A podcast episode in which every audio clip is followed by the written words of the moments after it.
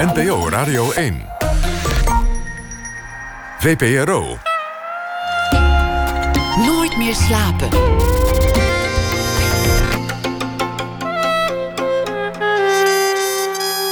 Met Pieter van der Wielen. Goedenacht en welkom bij Nooit meer slapen. Afgelopen weekende was het 25 jaar geleden dat Isra Meijer om het leven kwam. Op zijn verjaardag 14 februari 1995.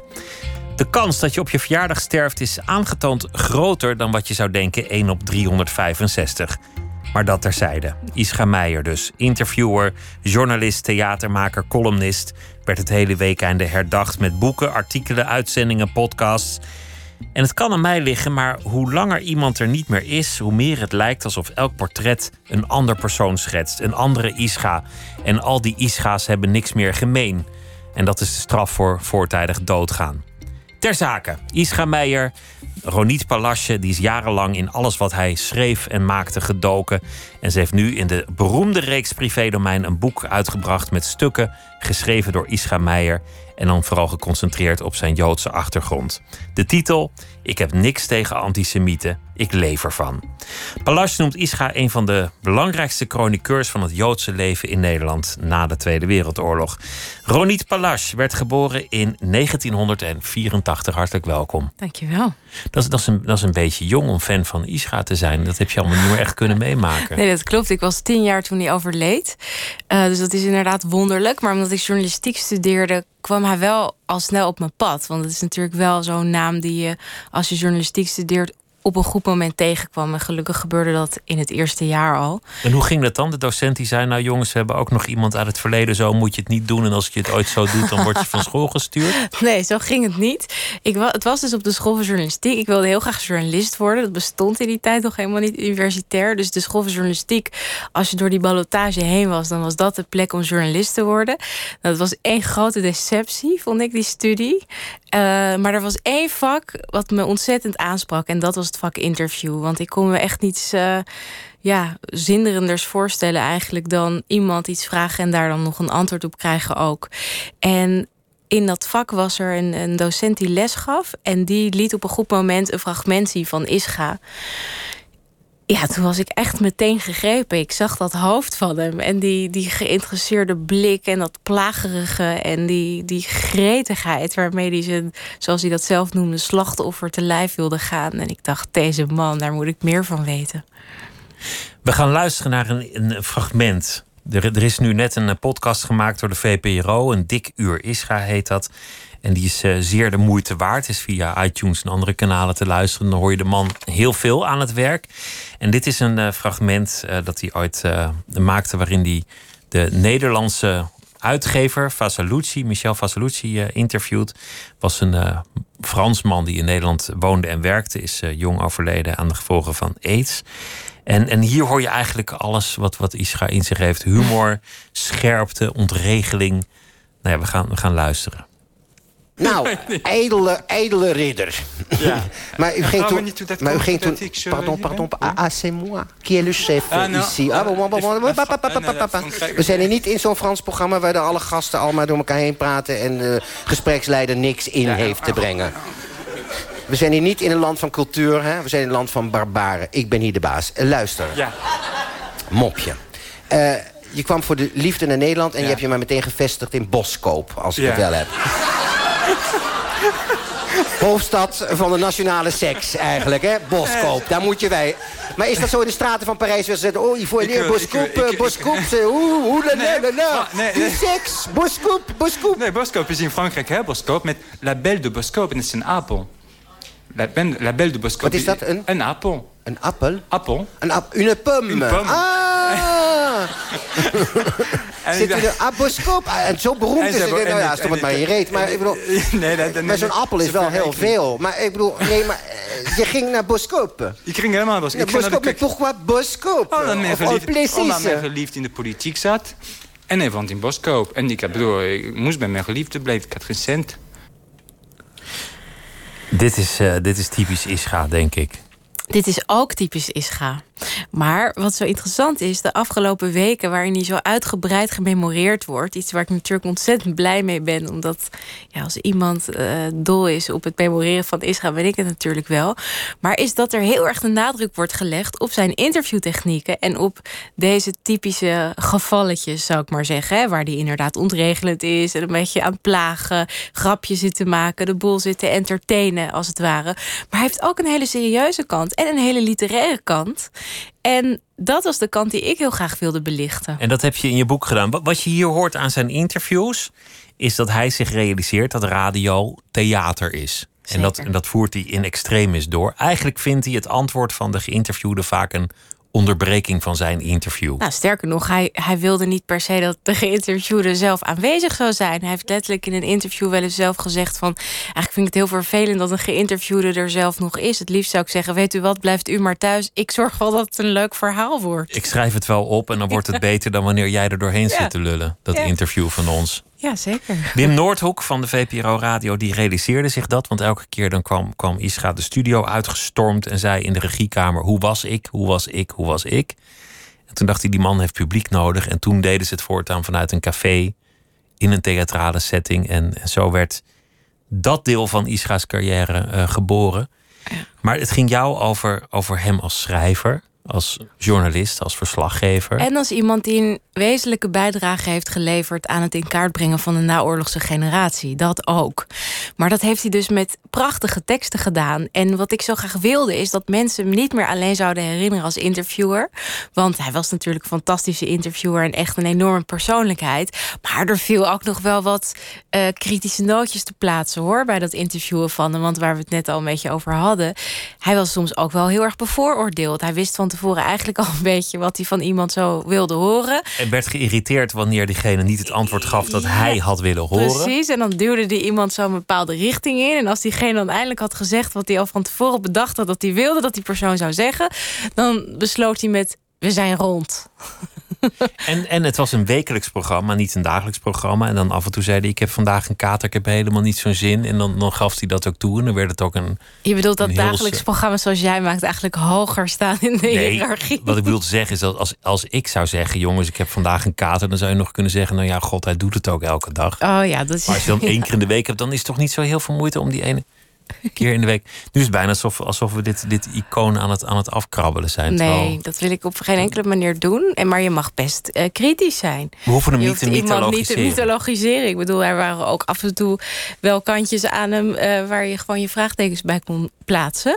Maar laten we het vooral hebben over wat hij wel heel erg goed kon... en waar hij goed in was. En in mijn geval was het dus zo dat ik me heel erg daarop wilde focussen. En dan met name op de thematiek die hem zo eigen was. De thematiek die eigenlijk bij elk genre dat hij bewandelde. En dat waren er nogal wat.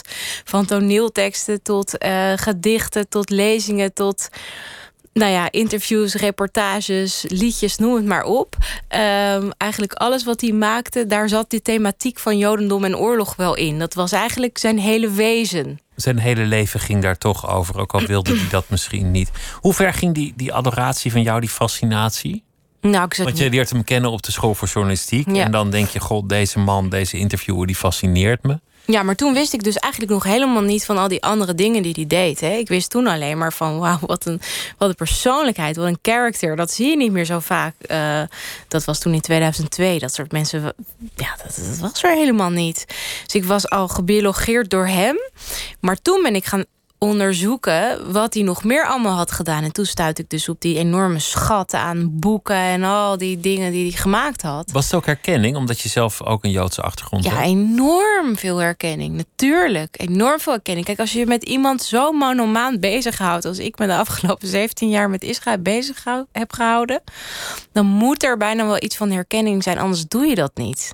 Ik ben, ik bedoel, ik ben sowieso vrij monomaan van aard, dus het kan ook een ander onderwerp betrekken. Zo heb ik ook wel eens betreffen. Zo heb ik ook wel eens ja, helemaal uh, in spreeuw uh, ben ik helemaal gedoken. Dat kan ook. Maar in het geval van Ischa was het ook echt wel herkenning over, over de zwijgzaamheid van, van uh, een generatie na de oorlog. Kijk, ik ben weer twee generaties verder in zekere zin. Ik ben van de derde generatie, maar het was nog steeds niet heel erg en om is gezellig oorlogsverhalen uit te wisselen. Terwijl ik gewoon super nieuwsgierig was en ongeveer alles uit iemand wilde trekken wat er maar uit iemand te halen viel. In zijn geval is het vreemde, hij is eerste generatie, maar van de leeftijd van de tweede generatie ja, en, net en, aan. En dat wordt dan de anderhalfste generatie eigenlijk genoemd. Door... De, de geschiedenis is heel in het kort. Hij is als baby gedeporteerd via Westerbork naar Bergen-Belsen. Ja. uh, heeft daar op wonderlijke manier de oorlog overleefd met zijn ouders. Aan het eind van de oorlog dacht Himmler: het is een goed idee als we zoveel mogelijk Joden achter de hand houden als, ja, als, als iets waarmee je kan onderhandelen. Als een soort uh, onderpand als we gaan, gaan praten met de geallieerden. Niet dat dat zin zou hebben gehad. Ze hebben die mensen met duizenden op een trein gezet. Die trein die heeft een reusachtige tour gemaakt door Midden-Europa. Op zoek naar nog niet bevrijde gebieden. Er zijn heel veel mensen overleden aan, aan ziektes. Ze zijn beschoten door geallieerden niet, die niet door hadden wat er in die trein zat. Die geschiedenis heeft Ischa als babytje meegemaakt. Komt thuis met zijn ouders en er is nooit meer één woord over gesproken. Nee. En dat is dus heel erg typerend eigenlijk ook voor die generatie. Het is natuurlijk wel zo dat er ook gezinnen waren waar wel werd gesproken. Maar over het algemeen kun je zeggen dat het representatieve beeld wat je krijgt als je zoveel. Ik heb ook nog drie jaar geleden een boek gemaakt waarin ik heel veel Joden heb geïnterviewd over hun achtergrond, en Joodse identiteit en geschiedenis dat je op een gegeven moment kunt spreken over een representatieve groep die het heeft over de zwijgzaamheid. Inderdaad, van het nooit iets mogen vragen, maar het ook niet durven, het ook niet willen, omdat je altijd maar bezig bent met het ontzien van je ouders. Want je ouders hebben zoiets vreselijks meegemaakt, die ga je niet lopen belasten met je eigen banale verdriet. Maar daarmee creëer je natuurlijk toch ongewild een generatie die zichzelf zo systematisch heeft moeten wegcijferen voor ouders die zoiets vreselijks hadden meegemaakt. En dat werkt natuurlijk ontzettend door. In jouw boek zit ook de toespraak die, die Ischa houdt op de begrafenis van zijn vader. En dat is een korte, mooi geschreven tekst waar niets van liefde in zit. Oeh, ik weet niet of ik het daarmee eens ben. Vertel, vertel hoe jij die tekst leest. Ja, als ik die tekst lees. Ik bedoel, Ischa heeft in zoveel interviews gezegd dat hij van niemand zoveel heeft gehouden als van zijn vader. Dus dat er geen liefde uit zou blijken, lijkt me per definitie al niet kloppen. Maar die tekst is snoeihard. Uh, het, het, is ja, bijna een afrekening. Moet, ja, maar ik, ik, ik wil me toch heel graag verzetten tegen de kwalificaties die er steeds worden gedaan over afrekenen met snoeien hard, schokkerend, et cetera, et cetera. Ik begrijp heel goed dat die kwalificaties worden geplakt op uh, hoe hij zich uiten. En met name gaat dat dan, geldt dat dan voor Brief aan mijn moeder, dat hij in 1974 schreef. Dat was voor die tijd ook een schokkend document. Maar je moet je voorstellen, als je je hele leven lang op zulke dikke wanden van deuren en muren aan het bonken bent. En er wordt maar niet open gedaan. Dan is er bijna geen andere manier om door te dringen. En dat lijkt dan misschien heel chockerend, maar dat is gewoon de enige manier. Maar dat betekent niet dat je niet meer van iemand houdt. Dat betekent gewoon dat je ergens doorheen wil dringen.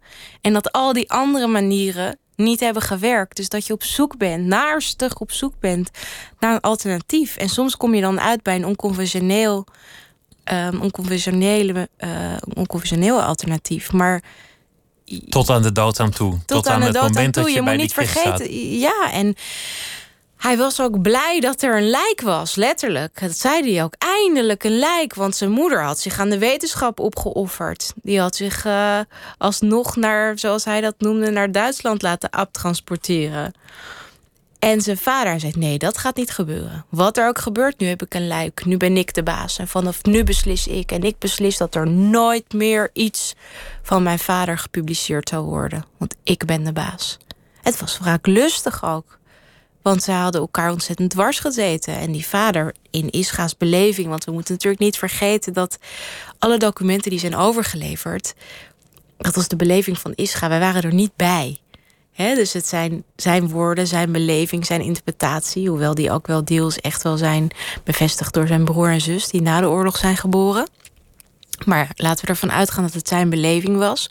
Maar dan zijn er hele vrede beschrijvingen van hoe het eraan toe ging daar thuis. En dat hij wel eens gedichten maakte op jonge leeftijd. En dat hij die dan weggooide. En dat zijn vader die uit de prullenbak viste en zei: Kijk, daar zit hij, het mislukte genie.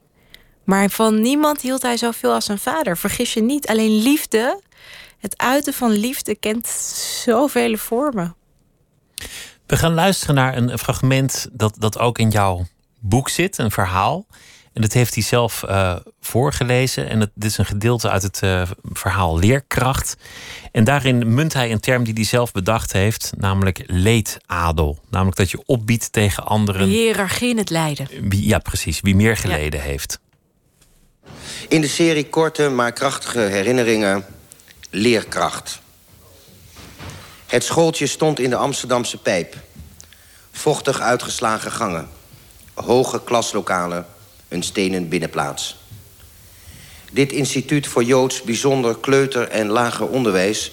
droeg de naam Rosh Pinah. Hetgeen in het Hebreeuws zoveel wil zeggen als hoeksteen. Hoeksteen van wat eigenlijk?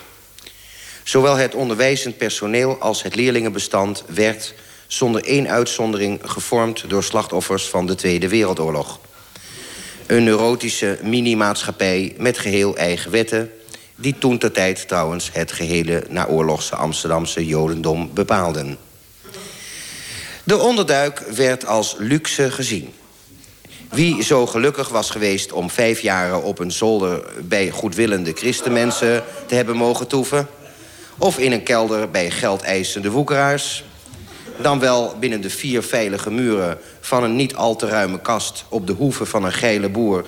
die als enige gunst het dagelijks gebruik van de jongste dochter eiste... die had geen recht van klagen. Zij die hun hele familie verloren hadden... kwamen weer wat dichter bij het ideaal. Zij het met deze kanttekening dat men in dat geval wel van geluk mocht, ja moest spreken. Wie in een kamp had gezeten, kon zich tot de leedadel rekenen. Welke kasten natuurlijk weer zijn eigen rangen en standen kenden. Bergen-Belsen kon niet op tegen Sobibor. En op een of andere mysterieuze wijze stond Auschwitz bovenaan het lijstje... als onbetwiste leider van deze competitie. Tussen haakjes Degenen die in Theresienstad hadden gezeten, telden helemaal niet mee. Stonden nog onder de onderduikers, waren op de keper beschouwd eigenlijk fout geweest. De kinderen van Rospina kenden deze nuances en nog andere. Zo liepen er tussen ons enige wondertjes rond. De tweeling Nettie en Betty hoorden bijvoorbeeld bij deze categorie. Een tweeling die heel huids door Belzen heen gekomen was. Ja, daar kon ik, die als enigst kind dezelfde tour had volbracht, niet tegenop. Maar ik kwam er wel dichtbij, dat moet gezegd. Een wrange jeugdherinnering bewaar ik aan die akelige dame... die mij ooit eens vroeg... En, baasje, waar ben jij met je mammy en je papi geweest in de oorlog? Waarop ik antwoordde, in Belzen, mevrouw. Waarna zij in lachen uitbarstte op haar in de arm getatoeëerde Auschwitz-nummer wees en uitriep... Belze, laat me niet lachen. Koekjes eten zal je bedoelen. Dit, dit laat heel veel zien over waar jouw boek over gaat. De rol die hij innam, zijn literaire kwaliteit, zijn geestigheid. Maar ook hoe hij tegen schenen schopt. Durft dingen te zeggen die mensen verzwijgen. Hij neemt eigenlijk de puberzoonrol op zich in de Joodse gemeenschap en probeert iedereen te confronteren met datgene waar niemand openlijk over praat. Ja, hij, hij moest. Het was iemand die op zoek was naar waarachtigheid. Iemand die wilde demaskeren, zoals hij dat zelf noemde. En als je continu, wat ik net ook al zei, botst tegen een muur waar maar geen antwoorden op komen, dan, dan ga je het anders aanpakken. En hij heeft het ten goede gekeerd door er zulke prachtige teksten van te maken, die inderdaad ook niet alleen gewoon stilistisch gewoon heel goed in elkaar zitten, maar ook ontzettend geestig zijn. Natuurlijk tragicomisch. Ik bedoel, vergis je niet. Voor de eerste generatie was dit geen pretje om te horen, natuurlijk. Maar hij dacht gewoon, ook met dat brief aan mijn moeder, in eerste instantie dat hij een persoonlijke ontboezeming deed. Dat hij eigenlijk iets heel particuliers aan het vertellen was. En later bleek dat hij onbedoeld een hele generatie had omschreven. Die zich daarin herkende.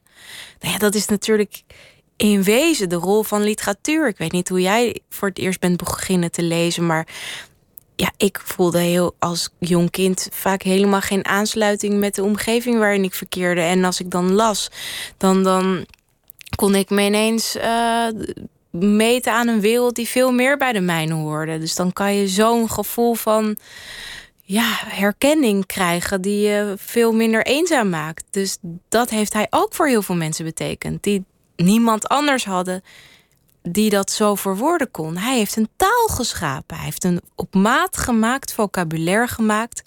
Waarbij dus het woord leedadel een voorbeeld van. Hè, daar is het een voorbeeld van. Maar hij heeft woorden gegeven aan emoties die mensen hadden. Waarvan ze misschien helemaal niet wisten dat ze die hadden. Want de vraag is eigenlijk: in hoeverre kan je voelen als je er geen woorden voor hebt? Dit is, dit is wat jouw boek toevoegt aan, aan alles wat er over Israël is gezegd en geschreven. Deze invalshoek. Dat niet, hoop ik. Niet de interviewer, maar de schrijver. Er zitten ook interviews in het boek hoor. Dus interviews dus met Isra zelf ook. Ja, interviews met Isra zelf. Ik heb dus het laatste hoofdstuk van het boek, dat heet ook het laatste woord. Want ik vond wel dat iemand als Isra, die moet het laatste woord hebben. Hoewel natuurlijk eigenlijk alle teksten in het boek van hem zijn of over hem gaan, direct of indirect. Maar ik heb, hij heeft in, de, in, in zijn werkzame leven, en dat was nogal lang, ondanks zijn vroegtijdig sterven heeft hij zelf ook heel veel interviews gegeven. En um, als hij zelf interviewde, bezigde hij een lange tijd de door Willem Witkamp, de parooljournalist, uh, traditionele full quote interviews. Dus dat is een interview dat begint met aanhalingstekens openen en aanhalingstekens sluiten. En alles daartussenin is dan een, het gesprek met de geïnterviewde alsof hij in Bram één. Peper toen bijna zijn baan heeft gekost precies. als burgemeester van Rotterdam. Absoluut. Dus dan lijkt het net alsof iemand in één vloeiende beweging spreekt. Maar dat is natuurlijk niet helemaal zo, maar die, zo, dat suggereer je. En dat heb ik ook gedaan met Isga. Dus ik heb een soort postuum interview samengesteld met Isga. geput uit al die interviews die hij zelf gegeven heeft. Helemaal geannoteerd, allemaal netjes, dat je precies kan weten waar welk citaat vandaan komt. Maar als hij, alsof hij voor het laatst nog een keer aan het woord is. Dus dat heb ik gedaan om hem, zeg maar, semi te interviewen. Maar ik heb ook wel interviews natuurlijk opgenomen die hij gemaakt heeft met mensen die wel geschreven zijn. Dus ik heb echt wel ook natuurlijk me geconcentreerd op zijn interviewen maar echt niet alleen. Heel veel van die korte verhalen en dingen die kennen mensen helemaal niet. En ik heb ook gewoon, dat is natuurlijk het allerleukst voor een bloemlezer en voor iemand die, nou, zoals ik dus eigenlijk pas net ontdekt heeft wat voor enorme stiekem archiefnerd ze is, ontdekkingen gedaan. Wat iets fantastisch is. Ik heb gewoon brieven ontdekt. Een prachtige brief van Ischa aan een zeer dierbare vriend van hem, een beroemde uitgever Geert van Oorschot. Waarin hij heel erg intieme dingen aan verteld. Terwijl Isra echt geen brievenschrijver was. Er zijn nauwelijks brieven van hem. Het was een beller. Het was echt een beller. Als hij dan ergens weg was, dan ging hij onmiddellijk weer naar een telefooncel of bij iemand anders binnenwandelen. Onmiddellijk naar de telefoon grijpen en weer mensen bellen. Hij wilde altijd wel in contact staan, maar het was geen brievenschrijver. Dus als je dan ook nog als kers op de taart, terwijl je met zo'n bloemlezing bezig bent, echt brieven ontdekt, ja, dat is zo ontzettend gaaf. Je hebt dezelfde psychiater bezocht als, als Ischa. ja, de analyticus. Louis Tas. Ja. Dat, dat brengt je ook wel dichtbij iemand, toch? Niet, nou ja, ja, Zo'n man heeft waarschijnlijk ook postuum nog beroepsgeheimen. zal je niet vertellen wat Isra hem allemaal op de mouw speelde. Maar, nee, zeker niet. Maar, maar het, het is toch een, een, soort band als je, als je op dezelfde bank hebt gelegen. Ja, maar het was ook echt iets wat ik opzocht. Want ik dacht van ja, god, dat, dat hele, dat, die hele psychiatrie en uh, psychologie, dat vind, vond ik allemaal toch wel ingewikkeld. Ik wist wel dat ik allemaal issues had, dat ik daar iets mee moest. Maar ik dacht ook, ja, weet je wel, je weet dan precies wat die mensen willen horen. En dan beginnen ze weer over je ouders en grootouders. En dan, wat voel je dan? Ik dacht, oh, daar zit ik nou helemaal niet op te wachten maar iemand zoals Ischa, met zo'n grote mond en zo'n provocatieve neigingen. En dat die, die enorme hang naar taboelen willen doorbreken en te demaskeren. Als die het acht jaar ergens volhoudt, dacht ik, nou, dan, dan moet, het dan moet ik daar zijn. ook wel wat te halen hebben. Ja. Heeft het geholpen? Dat weet ik niet. Kijk, Louis was toen al echt op leeftijd. Die was al een jaar 85. Um, dus het, was, het kwam ook wel voor. Hij is natuurlijk eigenlijk wel onverantwoord lang doorgegaan, zou ik willen zeggen. Dus die ging wel eens naar de wc. En als hij terugkwam, wist hij eigenlijk niet meer waar we het over hadden gehad. Maar. En hij zei ook niet zoveel, want hij had wel echt een beetje die klassieke psychoanalytische methode. Hè? Dus van, van, nou, je gaat zitten en je begint gewoon te ratelen. Nou, vind ik ratelen op zichzelf, dat gaat me vrij goed af. Maar ja, als iemand je geen vragen stelt, is het ook weer zo gekkig. Dan zit er zo weinig structuur in en is het heel associatief. Maar ik herinner me wel dat hij altijd. Ja, vrijwel bij elke sessie. Dan zei hij één zo'n zinnetje. wat dan nog heel lang resoneerde. Ik kan er niet zo snel één noemen. Dat zou ik als ik interviewer was nu aan mezelf hebben gevraagd. Noem eens zo'n zinnetje. Ik weet het niet. Maar toch had je de, de indruk dat hij, ondanks dat hij niks deed, je verder hielp. Ja, hij deed wel iets. was. Hij luisterde natuurlijk. En hij, zei- eh, je kan alleen maar zo'n zo'n zin zeggen als het ook iets wezenlijks is. Als je dus echt gehoord hebt wat iemand zegt. Maar ja, of je er iets gehad over aan hebt gehad, dat weet je uiteindelijk niet. Dat zegt Ischa zelf ook in een interview. Hè? Mensen die willen heel graag al zijn kwaliteiten toedichten en toeschrijven aan, aan, aan, Louis Tas. Ja, ik denk, er komt natuurlijk ook heel veel van Ischa zelf vandaan. En, en, en Ischa zegt zelf ook van ja, uiteindelijk weet je niet wat de analyse nou gedaan heeft in de psychotherapie en wat het leven zelf gedaan heeft. Dat is natuurlijk heel moeilijk om je vinger daarop te leggen. Dat is lastig. Kijk, heel veel mensen zeggen dat zijn interviewtechnieken allemaal bij Louis Tas vandaan komen. Maar ik denk dat dat echt onzin is. Ischa is iemand die is opgegroeid, wat ik net ook al vertelde, in die zwijgcultuur, maar ook met heel veel wantrouwen. Als je ergens opgroeit waar je heel veel halve antwoorden krijgt. Of waar voortdurend allerlei dingen worden verborgen en verdonkere maand. Dan, dan creëer je ook wel een soort neus voor onraad. Of wanneer mensen je voor de gek houden. Nou ja, daar word je wantrouwend van. En als je interviewer bent of journalist. Ja, dan is wantrouwen natuurlijk ook wel een hele welkome eigenschap. En hij had geen medelijden. Hij had, had weinig empathie regelmatig. Dat, dat hielp dat, ook. nou, dat ben ik ook niet met je eens. Hij kon meedogenloos hij, hij kon zijn. meedogenloos zijn. Tuurlijk kon hij meedogenloos zijn. Maar dan was het wel vaak omdat de geïnterviewde niet waarachtig bezig was. Want eigenlijk als je ziet dat als iemand authentiek is in het gesprek, niet doet alsof, zich niet aanstelt, niet een soort show ervan wil maken of, of, of een bepaald beeld wil afgeven van hoe hij graag wil of zij graag wil dat die wordt gezien. Zo meedogenloos was hij niet. Er zijn ook genoeg voorbeelden te noemen van interviews waarin je hem echt klein ziet zijn en de ander gewoon heel erg in zijn waarde ziet laten en hem wel degelijk de ruimte ziet geven. Een veelzijdig man. Nooit meer slapen. In gesprek met Ronit Palas, die een eh, boek schreef met eh, teksten van Ischa Meijer in de reeks Privédomein. Je zei, ik was meteen gefascineerd door deze man toen ik op de school voor journalistiek kwam. Daar zat ook herkenning in, omdat je zelf een Joodse achtergrond hebt. Wat houdt het eigenlijk in, Jood zijn, voor jou?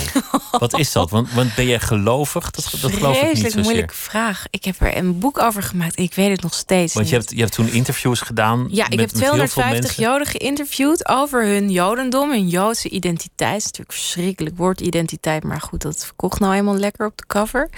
Ehm, maar het ging inderdaad over wat het Jodendom nou precies behelst, wat, wat dat nou eigenlijk betekent. En daar heb ik dus al die mensen over geïnterviewd. En als je interviewt, zijn het natuurlijk net als bij Ischa toch manieren ook om voor jezelf een beetje dingen te verklaren en antwoorden Want die interviews te van. Ischa gingen over Ischa. En bij jou gingen die interviews ook over jezelf. Ja, ik wilde toch ook zelf wel weten wat dat Jodendom nou was. Maar hoe, hoe Joods precies was het bij jou thuis? Oh, bij mij thuis was het wel vrij Joods. Er werd echt eh, fulltime gejodeld. Dus eh, Alles Joods. alles Joods. Joodse school, Joodse jeugdvereniging, Joodse tennis, Joodse alles. Joodse vrienden met name. Joodse onderwerpen aan tafel. ehm, Waren er ook niet, niet Joodse feestdagen, dingen? kosher eten. Ja, mijn ouders hadden ook wel niet-Joodse vrienden. Een paar. Maar dat was het. Dus je groeide echt wel op in, in, in een, bijna in een zuil. Nou ja, ik heb het echt nu de laatste tijd ook wel eens er gewoon beschreven als bijna sectarisch. Hoewel ik dus uit een heel ehm, fijn huis kom met echt lieve ouders. En ook gewoon ouders die hebben gestudeerd, dus ook ontwikkeld waren. En me vrij lieten en prettig waren en tolerant waren en niet dogmatisch waren. Heb ik toch het gevoel gehad dat ik als een soort alien op mijn 18 in de wereld in werd geschopt. En dat ik wel compleet anders was dan iedereen die ik daarna ooit zou ontmoeten.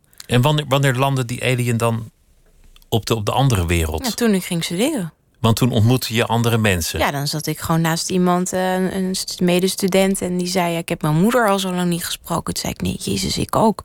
En toen zei ik: Hoe lang heb jij er al niet gesproken? Zei hij: Ja, een half jaar. Ik zei: Oh, ik drie dagen. Weet je wel, je zag gewoon dat dat totaal. Ik sprak gewoon een andere taal. Terwijl ik dacht toch wel een beetje iemand van de wereld te zijn, maar het was helemaal niet zo. Ik had zo'n achterstand voor mijn gevoel. Ook gewoon intellectueel, een enorm achterstand. In die interviews die jij houdt over, over wat het is om Jood te zijn in Nederland, is een van de grote pijlers toch altijd de Shoah, de, de Tweede Wereldoorlog, de Mhm. Jodenvervolging. Hoe, speelde dat nog een rol bij jou thuis? Was, was dat heel aanwezig? Nou ja, kijk, mijn ouders die doen altijd alsof dat bij hun helemaal geen issue was. Maar juist door dat zo hardop te benoemen als geen issue zijnde, is het natuurlijk gigantisch, kolossaal aanwezig. Althans voor mensen zoals ik, die een beetje van het show don't tell model zijn, zeg maar. Ehm, dus ik had daar, ik, ik, ik, ik zag voortdurend overal oorlogen in. In heel veel reacties, in heel veel angsten, neuroses, Noem- noem eens een voorbeeld. Nou, gewoon een soort overbezorgdheid, een soort beklemming, een soort angst ook wel. In heel veel dingen bang dat er iets misgaat. Bang, bangig, bangig. Vooral de omgeving ook. En, en niet vergeten, gewoon grootouders die in kampen hadden gezeten of hun hele familie hadden verloren. Dat doet iets met je. Dat is een heel groot gegeven als je als kind mensen hebt die zo dichtbij je staan, die zoiets vreselijks hebben meegemaakt. Dat Waar merkte je dat aan? Dat ze zoiets vreselijks hadden Ja, meegemaakt. werd Ze waren erover knettergek. gepraat? Zag je dat ook knettergek? Ze waren gewoon knettergek. Gekte, gewoon gekte. Mijn oom heeft wel eens gezegd: Ik heb nog nooit een normaal iemand ontmoet in mijn jeugd. Mensen waren gek. En Wat- dat wat is totaal begrijpelijk ook. Gewoon alles had daarmee te maken. Indirect of direct. Ik mocht niet aan mijn hoofd krabbelen, want dan herinnerde het aan de luizen in een kamp. Ik kwam een keer binnen in een gestreept truitje en mijn opa die werd half misselijk, want deed hem aan een gevangenispak denken. Eh, ik probeerde gewoon, naar mijn idee, ja, vragen te stellen die, die je wil stellen, omdat je nieuwsgierig bent, omdat je iets wil begrijpen over waar je vandaan komt, omdat dat wezenlijk is voor je eigen ontwikkeling om te weten waar je ouders en grootouders vandaan komen. Je hebt het nodig om je te kunnen verhouden tot de wereld waar je in leeft, om iets te weten over waar ze vandaan kwamen. En dan nou, vroeg ik aan mijn grootmoeder van ja, maar hoe kon je nou verder leven in de wetenschap dat je ouders waren vermoord, je zusje was vermoord? En dan antwoordde ze met ja, ik mocht mijn zusje toch niet. Dus eigenlijk werd het niet gewaardeerd dat je vragen stelde. En, en dat deed je juist wel. Ja, ik ging het alleen maar meer doen, want ik, ik kreeg gewoon geen antwoorden. Ik Terwijl in zulke situaties doen. vragen stellen waarschijnlijk iets is waarvan men wil dat je dat achterwege laat. Ja, maar nu moet ik er wel bij zeggen dat ik van de derde generatie ben. Dus ik had iets meer luxe en iets meer mogelijkheden om wat meer te vragen dan, dan de generatie zeg maar boven mij. Mijn ouders die konden dat echt niet vragen. Ik kon wel al meer vragen. En bovendien hebben ehm, de ouders van mijn vader bijvoorbeeld meegedaan aan het Steven Spielberg project, waarin ze gewoon ja, als bewijslast hun oorlogsverhaal uiteindelijk toch hebben verteld. Maar ja, wel tegen mensen die op meer afstand van ze stonden. Waardoor ik toch ja, kennis heb kunnen nemen van de verschrikkingen die ze hadden doorstaan en die ze ook hebben gevormd. Maar ik heb me toch ook regelmatig afgevraagd, ook zo ontzettend geestig dat Israël dat ook al vrij vroeg deed, wat echt niet gebruikelijk was hoor in die tijd. Dat was echt wel schokkend. In hoeverre is die oorlog eigenlijk alles bepalend? Wa- ik bedoel, misschien was mijn opa wel een vervelende man ook voor de oorlog. Zou Isra kunnen. zegt, misschien waren de gekken gewoon ook wel gek geworden zonder oorlog. Nou, is toch een heel interessant gedachte-idee? Ik vind het interessant dat jij zo gefascineerd raakt door een interviewer en het vak interviewen als je thuis nooit vragen mocht stellen, maar wel die neiging had. Ik, ja, maar ik deed het wel. Ik stelde voortdurend vragen. Ik deed niets anders. Maar je moet niet vergeten, kijk, dat vragen stellen, dat begint natuurlijk bij nieuwsgierigheid. Maar vragen stellen, interviewen, daar weet jij misschien ook wel iets van. Dat is ook om een sociaal ongemak te maskeren. Het is ook een manier om je eigen gebrek aan echt contact te kunnen maken met mensen te feinzen. Om een rol Dus- aan te nemen. Nou ja, je kunt het zien als een rol. Maar als het uit wezenlijke interesse gelijktijdig bestaat, is het niet per se een rol, want dat, dat maakt het lelijk. Ik wil het niet lelijk maken. Het is een prachtig vak. Ik vind het het mooiste wat er is. Ehm, maar mensen praten over het algemeen best wel graag over zichzelf. En wordt gemiddeld gezien heel weinig gevraagd. Dus als jij het moeilijk vindt om echt contact met iemand te maken... en je kan niet smalltalken zoals ik. Ik kan niet smalltalken. Ik kan het gewoon. Ik weet niet hoe het moet. Ik raak er echt van in paniek. Ik heb jarenlang bij een uitgeverij gewerkt... en dan gaf ik leiding aan een afdeling... en dan ja, ik, ik weet niet hoe je naar iemands weekend moet vragen. Ik, ik, ik, ik weet gewoon niet hoe dat moet. Dus dan ging ik maar op maandag in mijn agenda zetten... vragen naar weekend. Want je weet dat mensen daar behoefte aan hebben dat je dat vraagt. Maar dat komt niet uit mezelf. Ik wil wel weten wanneer ze voor het laatst diep ongelukkig waren... maar niet hoe een weekend was. Dus als je ergens bent en je moet sociaal doen... de beste manier om dat sociale ongemak zeg maar voorbij te streven... is gewoon door mensen vragen te stellen. En dan ben je voor je het weet zoveel informatierijker... wat ik heerlijk vind. Vind het, is gewoon iets leukers dan naar mensen hun verhalen luisteren. Ehm, en jij bent van je sociale ongemak af. Die mensen hebben zich gezien en gehoord gevoeld. is gewoon niet, er is niets mooiers. En dat was ook een reden wat, waarom Isra interviewde. Dus, ja, dat eigenlijk, heb ik echt een zelf- van hem geleerd. Jij wil gewoon Isra zijn uiteindelijk. Nee, dat wil ik helemaal niet. Maar het is heel erg leuk om de dingen die je zelf voelt door een ander verwoord te zien. Ik wist wel dat het een beetje gek was dat ik altijd zo krankzinnig veel aan iedereen vroeg en dat mensen soms daar ook wel verbaasd over waren of soms ook wel van schrokken omdat ik er wel meteen keihard in ging. Ik ging niet zo'n beetje rustig opbouwen, weet je wel, gewoon gewoon snoeihard erin. En sommige mensen vroegen me wel eens van eh, werk jij bij de politie, weet je, want het kon ook wel eens aandoen als een als een kruisverhoor. Maar ik vond het zo leuk om bij Isra in een interview terug te lezen dat dat bij hem zoveel te maken had met, met ehm, het, het moeilijk maken van ja, echt contact en intimiteit eh, ervaren. En ik dacht dat ik altijd een heel sociaal iemand ben. Ik, ben ook wel echt iemand met veel mensen in mijn leven en vriendschappen en etentjes en sociaal gedoe. Maar au fond vind ik het inderdaad heel moeilijk om niet als interviewer te fungeren in die vriendengroep. Hoe kan het eigenlijk dat, dat in jouw leven dat, dat Jood zijn altijd zo'n rol is gebleven, en ook in je werkende leven? Want, want je, hebt, je hebt nu twee boeken en die gaan allebei daarover. Het, het lijkt een beetje een wisselwerking tussen het je van, ervan distancieren en toch een aantrekkingskracht die er, die er blijft. Nou ja, als er één conclusie te trekken valt over het Jodendom, waar je eigenlijk net naar vroeg, wat is Jood zijn? Dan zou ik zeggen ambivalentie. Dat is het. Iedereen Nou heeft dat. Ja, er zijn heel weinig Joden. Dan denk ik de, de religieuze of de echte orthodoxe uitgezonderd. Want die hebben natuurlijk altijd hun, hun gods eh, geloof. Dus dat is eigenlijk heel prettig, overzichtelijk en stabiel. Dat eigenlijk al die andere Joden iets- een beetje sleutelen aan hun Jodendom. Dat is ook een van de conclusies die Bram de Zwaan trok in mijn vorige boek als, als voorwoordschrijver van dat boek. Hè, en echt wel een beroemde socioloog, dus hij heeft er wel een beetje verstand van wat hem opviel. Dus dat is echt wel een goede analyse, is dat iedereen sleutelt aan dat Jodendom. Er is niemand die hetzelfde Jodendom heeft wanneer die geboren wordt als wanneer die sterft. Er gebeurt altijd iets mee, er wordt aan geknutseld. Er wordt zich telkens opnieuw tot verhouden.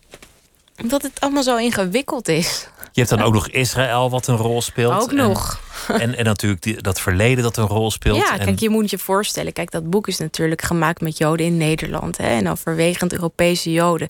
Als ik zo'n boek zou maken met Joden uit Amerika, zou je een heel ander boek krijgen. Veel positiever. Als ik zou zeggen wat, wat Joden in Nederland Joods maakt. Dan, dan ligt daar toch die sluier van de oorlog wel heel erg dik bovenop. En bijna een soort. Ja, uiteindelijk is het voor mij het antwoord geworden dat je dat je gehecht kunt zijn aan een bepaald verdriet. Een soort verdriet dat je als een jas elke dag aantrekt. En eigenlijk ook niet uit wil doen. Omdat het ook bij je hoort. Omdat je er ook mee bent vergroeid. Dus niet, niet slachtofferig bedoeld. Maar wel iets wat je ook kan helpen. Dat zegt bijvoorbeeld Isra ook. Van die oorlog is een groot goed. En waarom is het een groot goed? Omdat het je ook de tools aanraakt, de mogelijkheden aanreikt om structuren te kunnen waarnemen binnen een samenleving. Hoe je met mensen omgaat. Hoe je je verhoudt tot anderen. Hoe je mensen wel of niet uitsluit. Hoe je tolerant bent of niet. Dat zijn natuurlijk allemaal zaken die je binnen contexten kunt plaatsen die door de oorlog gevormd kunnen zijn. Je schrijft in dat voorwoord dat je zelf ook tot je eigen verrassing in, in, in, in een mengeling van woede en verdriet ontsteekt als, als de VPRO op het belachelijke idee komt om Abu Jaja tot zomergast te verheffen. waar schrijf ik dit? Dat, dat heb je geschreven, dat, dat, je dat, dat dat jou raakte. Uh, nou ja, ik. ik ja, Jezus. Uh, dat dat zijn van die momenten dat, dat, dat je zelf verbaasd bent door je eigen opvattingen. Ja, dat is denk ik ook zo. Kijk, het is iemand die zegt dat hij een enorme victorie heeft gevoeld bij 9-11. Dat vind ik nogal een uitspraak. Dat vind ik. Uh, ik, ik, begrijp je mening en ik, ik, ik, had dat zelf ook. En ik ben niet van Joodse afkomst. Ik vond, ik vond het ook geen, geen sterk moment. Ja. Maar ik, ik vind het interessant dat jij dan tot je eigen verbazing ineens geëmotioneerd kan raken over dingen waarvan je dacht dat die je niet zouden raken? Of dat, nou, dat ik denk niet dat, ik, dat, dat ze me niet raken, maar ik, ik streef er altijd naar om. Voor mij is ratio gewoon een heel belangrijk goed. Zeker als je jezelf staande wil houden in de wereld, is het echt heel belangrijk om rationeel te blijven zijn, om je niet continu te laten verleiden tot emoties. En dat, dat, dat, dat, dat lukt natuurlijk nooit, want je bent geen robot en je hebt liefdes en je hebt vriendschappen en families en daar is continu iets mee aan de hand of niet. Maar daar voel je van alles bij. Maar over het algemeen denk ik dat het heel prettig is als je in een samenleving jezelf staande moet houden, dat je dan zo rationeel mogelijk de, dingen bekijkt. Om, om, om helder te blijven denken, om je hoofd scherp te houden. En om je niet te laten verleiden tot allerlei gratuite uh, uitlatingen en gevoelens. Dus aan de ene kant wil je. Um, ja, zo, je wil dat niet veroordelen, omdat je denkt, ja, nou ja, als die mensen mijn podium willen bieden, nou ja, goed, eh, ik hoef niet te kijken. Aan de andere kant vond ik het ook verdomd vervelend. Ik dacht, ja, maar wat, wat, wat is dat toch voor iets geks? Dat iemand die, ja, zulke krankzinnige dingen zegt, echt krankzinnige dingen, objectief krankzinnige dingen zegt, dat, dat je daar dan een uur naar wil luisteren. Het is natuurlijk een beetje hetzelfde als, als sommige keuzes van Twan Huis bij College Tour. Waarom zou je dat willen als voorbeeld? Het is ook wel een prestigieuze plek, dat zomergasten. Toch? Tenminste, in de elitaire wereld dan. En ging daar ook een gevoel van, van bedreiging van uit? Dat je dacht, kennelijk is dit al genormaliseerd? Ja, nou, dat, weet je, dan wordt het weer meteen zo larmoyant. Dat heb ik dan weer niet zo heel erg. Ik voel me niet zo snel bedreigd. Maar ik vond het wel een verrassende keus, laat ik het zo zeggen. Ik vond het wel echt ingewikkeld. Ik vond het echt, uh, ik vind het geen plezierig mens. Ik vond het ook geen, uh, geen plezierig interview uiteindelijk. Nee, ik vond die hele reeks niet zo uh, bijzonder. Hoe ver reiken jouw ambities? Want, want ik zei net. Nou, ver natuurlijk. Wil je zelf Ischa worden? Toen zei je meteen: nee, dat wil ik niet. Nee, maar ik ben gewoon iemand anders. Ik ben niet Ischa. Ik ben zelf iemand. Ik hou ook veel van interviewen. En ik zou zeker graag. Uh, ja, ik bedoel, ik interview ook al heel lang. Ik interview al jaren. Ik heb vijf jaar lang ook een talkshow gehad in de Rode Hoed... met Volkskrant-journalist Corine Kolen. Het heette Onbekend Bemind, waarin we onbekende mensen interviewden. Um, nu heb ik een serie in de Academische Club van de UvA... waarin ik wetenschappers interview. Ik hou van interview. Ik vind niets leukers dan... Ja, men, het, het, enige vragen wat ertoe doet in, de, in deze wereld. Waarom doen mensen wat ze doen? Waarom, waarom zijn ze wie ze zijn? Dat is, toch, dat is toch het leukste wat er is. Je doet het elke dag. Maar je hebt ook op een, op een uitgeverij gewerkt. Dat, dat is weer iets heel anders. Ja, maar dat was gewoon omdat ik een enorme liefde heb voor de literatuur. Maar waarom moet ik dat combineren? Nee, natuurlijk, voor mij mag je alles combineren. maar ik ben gewoon benieuwd hoe, allemaal. Hoe, hoe ambitieus ben jij eigenlijk? Ja, dat is een heel moeilijk te beantwoorden vraag. Ik, ik ben ambitieus in de zin dat ik vind dat je alles wat je gegeven is aan talent, dat je dat eruit moet halen. Zolang je dat met een enorm plezier en overgave en authenticiteit doet. Dat is het enige wat voor mij telt, authenticiteit. Dus ik zou me nooit verleiden omdat ik bepaalde ambities heb om dingen te doen die tegen mijn principes zouden zijn. Maar um, als ik een heel spannend boekenprogramma zou kunnen maken. Wat niet zo statisch is van twee mensen tegenover elkaar. En heel erg highbrow. Maar juist iedereen enthousiasmeren en te overtuigen van hoe leuk het is het boekenvak, het lezen, de literatuur. En, en uh, daar mensen mee kan enthousiasmeren. Dan, dan combineer je toch die twee voor mij hele wezenlijke zaken. De boeken, dus lezen en, en interviewen. Er is echt niets leukers dan dat. Je hebt een, een omgeving, jouw vrienden die zijn allemaal wat, wat ouder, of een grotendeels wat ouder dan jijzelf. Ja. Er wordt ook gezegd, Roniet heeft een, heeft een oude ziel en omringt zich liefst ook door een raad van oude wijzen. je, bent, je bent inmiddels hecht bevriend met Connie Palme, bijvoorbeeld. Je noemde Abraham de Zwaan, daar ben je ook mee bevriend, geloof ik. Ja, ik heb gewoon door dat werken in die literaire wereld... heb ik gewoon het geluk gehad om een paar hele bijzondere mensen te ontmoeten. Die ik misschien niet had ontmoet, of nou vrijwel zeker niet had ontmoet... als ik in het, ja, voor mijn gevoel toch benauwende Joodse wereldje was blijven hangen.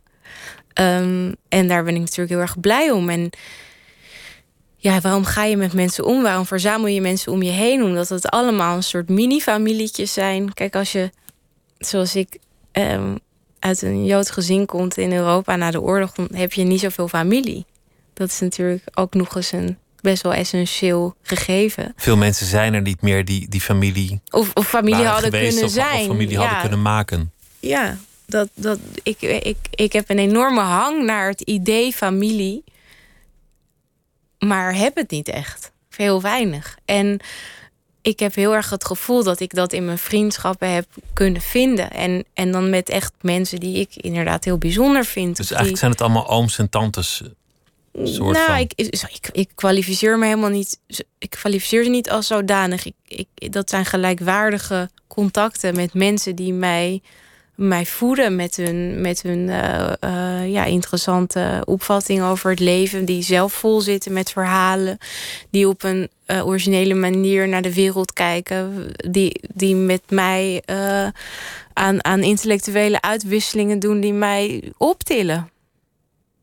Dat is het dat is toch waar vriendschap over gaat. Die, dat je elkaar kunt steunen in moeilijke tijden. En met elkaar mooie dingen kunt delen en bespreken over wat er allemaal in deze wereld is.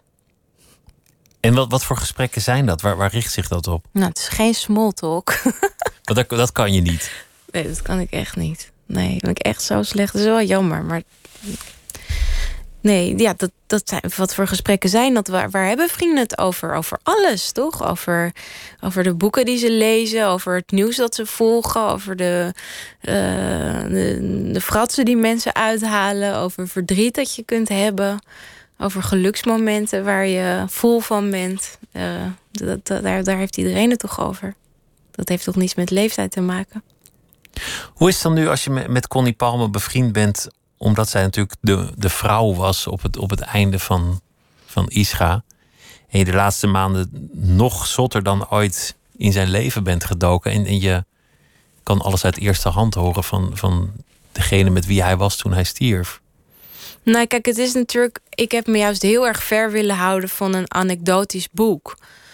Eigenlijk helemaal niet. Dat is voor de biograaf weggelegd. Daar heb ik me niet in willen mee willen bemoeien, omdat ik dat het minst interessant vind van iemands leven. Wat ik interessant vind is wat iemand zelf heeft gezegd of zelf heeft gemaakt. Dus daar heb ik me op geconcentreerd. Op zijn teksten. En puur alleen op zijn teksten. Dus natuurlijk heb ik het wel eens met Connie over Isra gehad. En dan, dan is ze ook wel echt gul in, in dat soort anekdotes met me delen.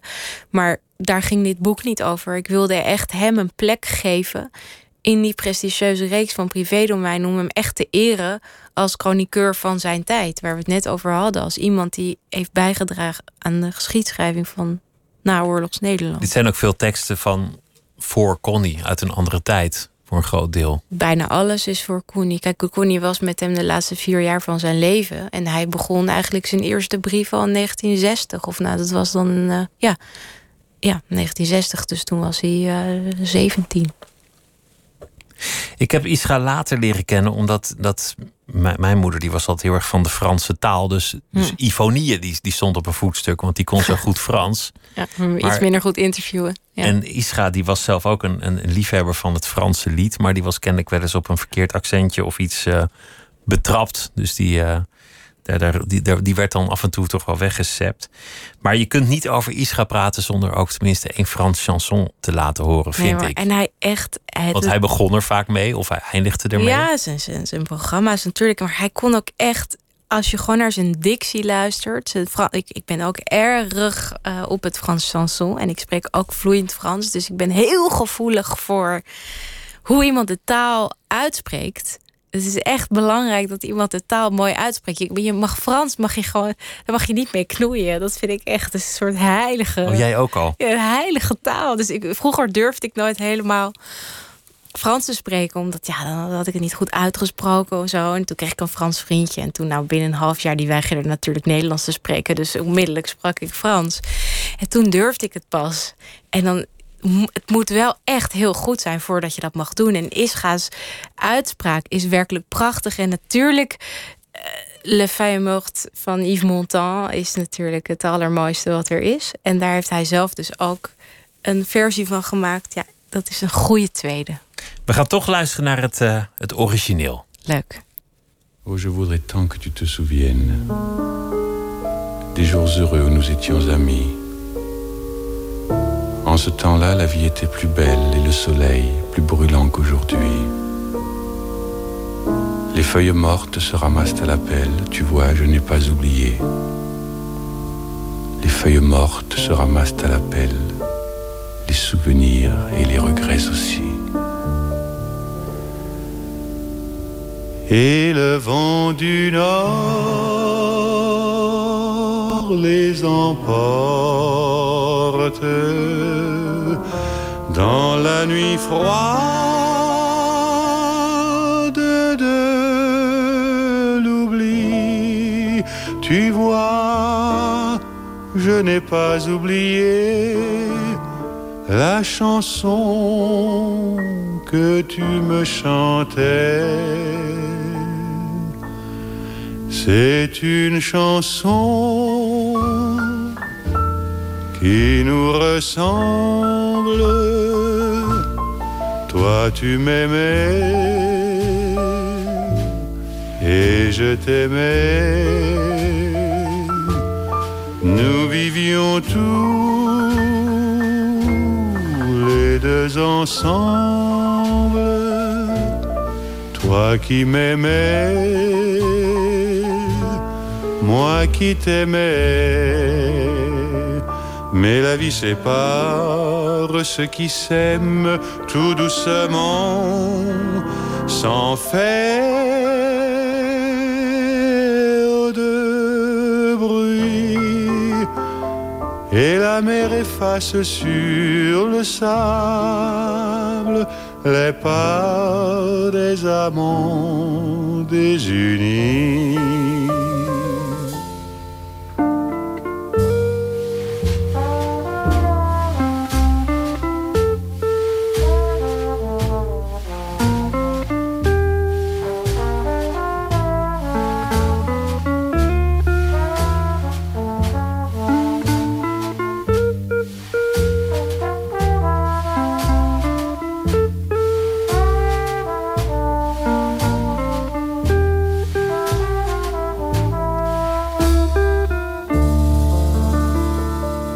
Mais la vie sépare ceux qui s'aiment tout doucement, sans faire de bruit. Et la mer efface sur le sable les pas des amants Het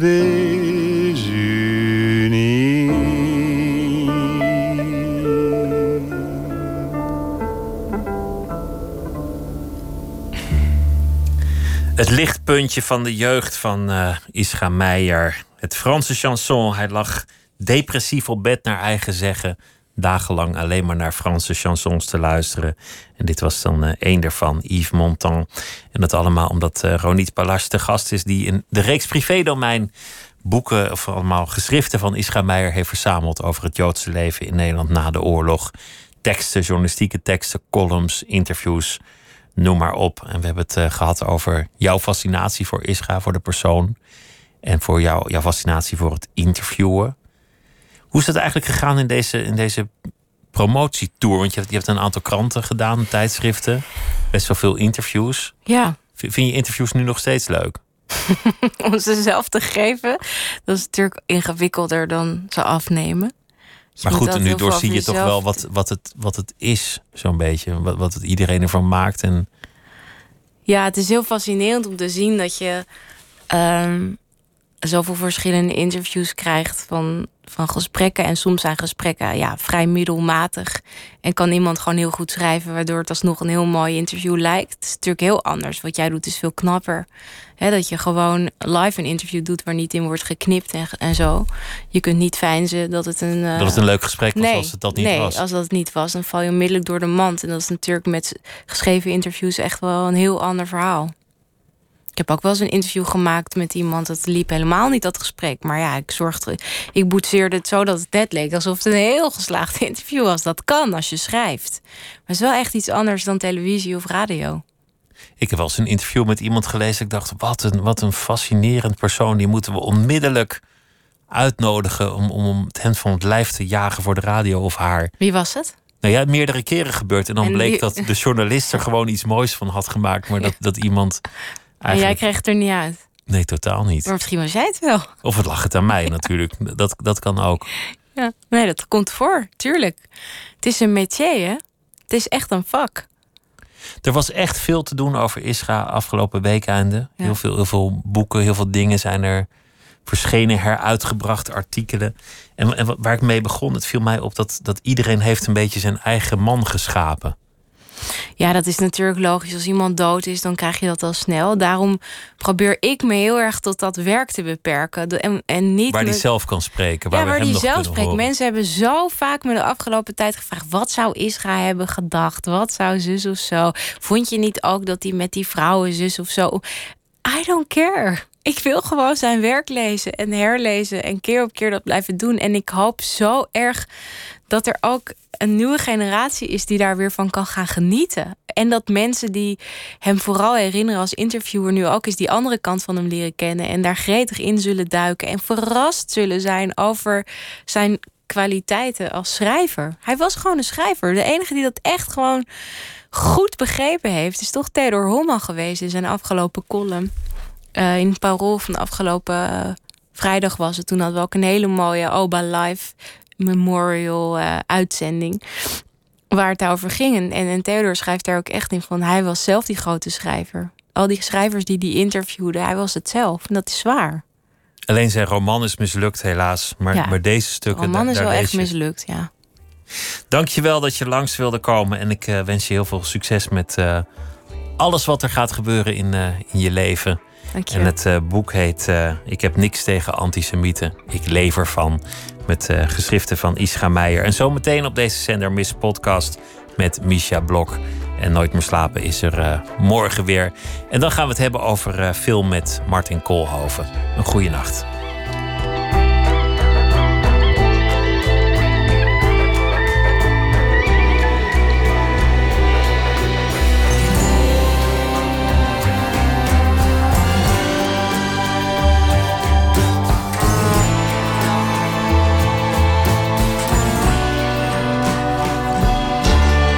Radio 1. Het nieuws van alle kanten.